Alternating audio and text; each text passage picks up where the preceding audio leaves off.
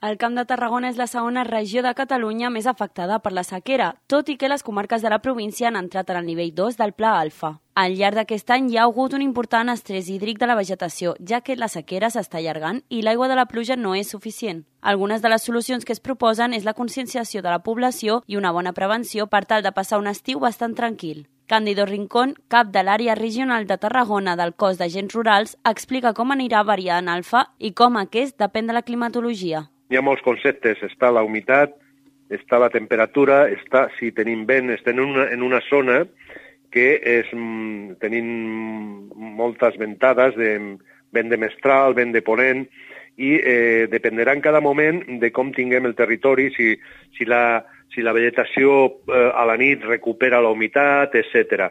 Tot i que ara comença el període de floració i no hi ha suficient humitat per portar-la a terme, es confia que durant l'abril i el maig es pugui solucionar temporalment aquest problema.